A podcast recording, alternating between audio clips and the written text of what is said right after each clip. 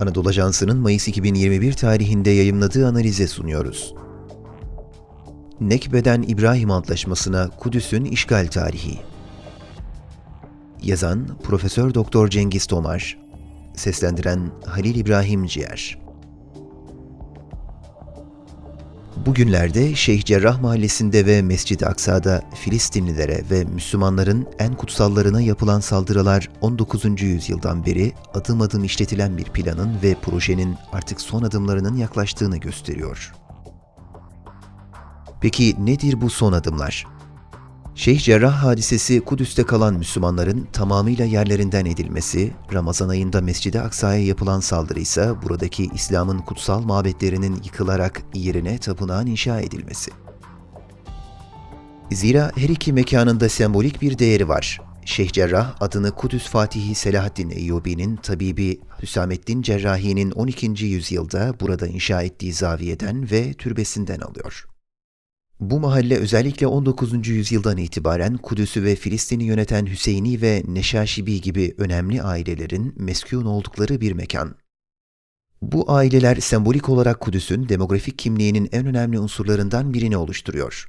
Dolayısıyla bu mahalleyi Müslümanlardan izole etmek, Kudüs'ü tamamıyla bir Yahudi şehri yapmanın yaklaşan adımlarıdır.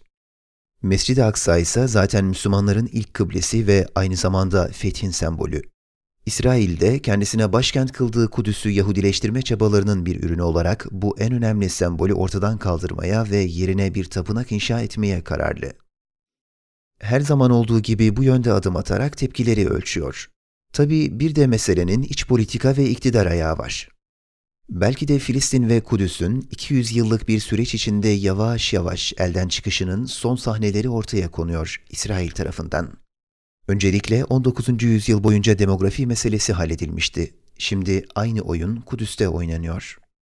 Kudüs'ün nüfusu orta çağlar boyunca ve hatta 19. yüzyıla kadar hep 10 bin civarında olmuştur. 19. yüzyılın ilk yarısında 11 bin civarında olan Kudüs nüfusunun 6 bini Müslüman, 3500'ü Hristiyan ve 1800'ü Yahudiydi. Fakat Yahudiler 20. yüzyılın başında göçler nedeniyle demografik üstünlüğü ele geçirmişti bile 10 bin Müslümanla 10 bin Hristiyana karşılık Yahudi nüfusu 30 bine yani hem Müslüman hem de Hristiyanların 3 katına ulaşmıştı.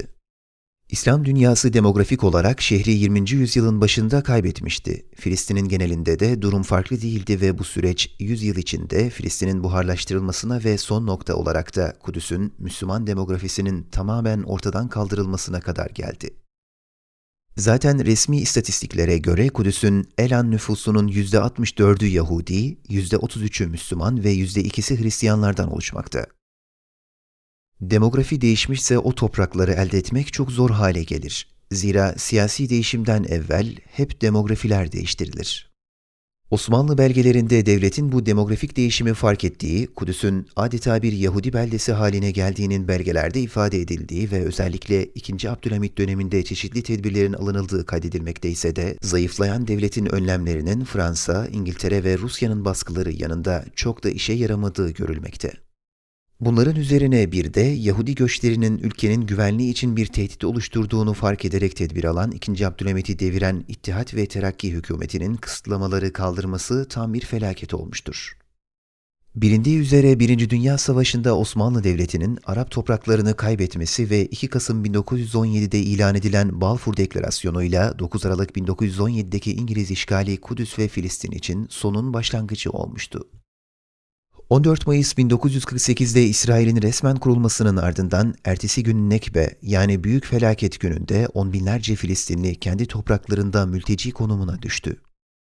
Cebelül Meşarif artık bugün de gündemde olan ve üzerinde İbrani Üniversitesi'nin kurulduğu diğer Mount Sukubs'a dönüşmüştü.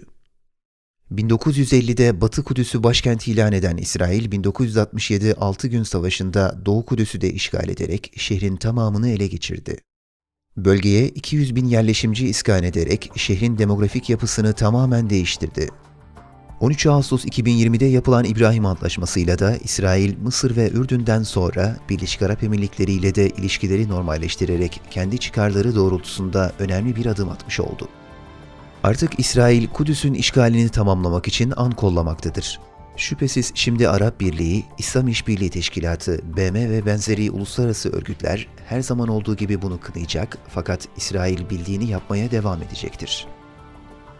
Türkiye, Mısır, Suudi Arabistan ve İran gibi bölgenin Müslüman pivot ülkeleri birleşmedikçe ve güçlü olmadıkları müddetçe bu işgal süreci yakında Filistin'i ve Kudüs'ü tamamen ortadan kaldırmakta ve Mescid-i Aksa'yı yıkmakta beis görmeyecektir.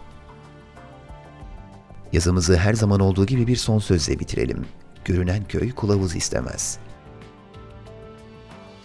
Profesör Doktor Cengiz Tomar, Ahmet Yesevi Uluslararası Türk Kazak Üniversitesi rektör vekili olarak görev yapmaktadır. Spotify, SoundCloud, Apple Podcast ve diğer mecralardaki podcastlerimizi dinlediğiniz için minnettarız. Lütfen abone olmayı unutmayın.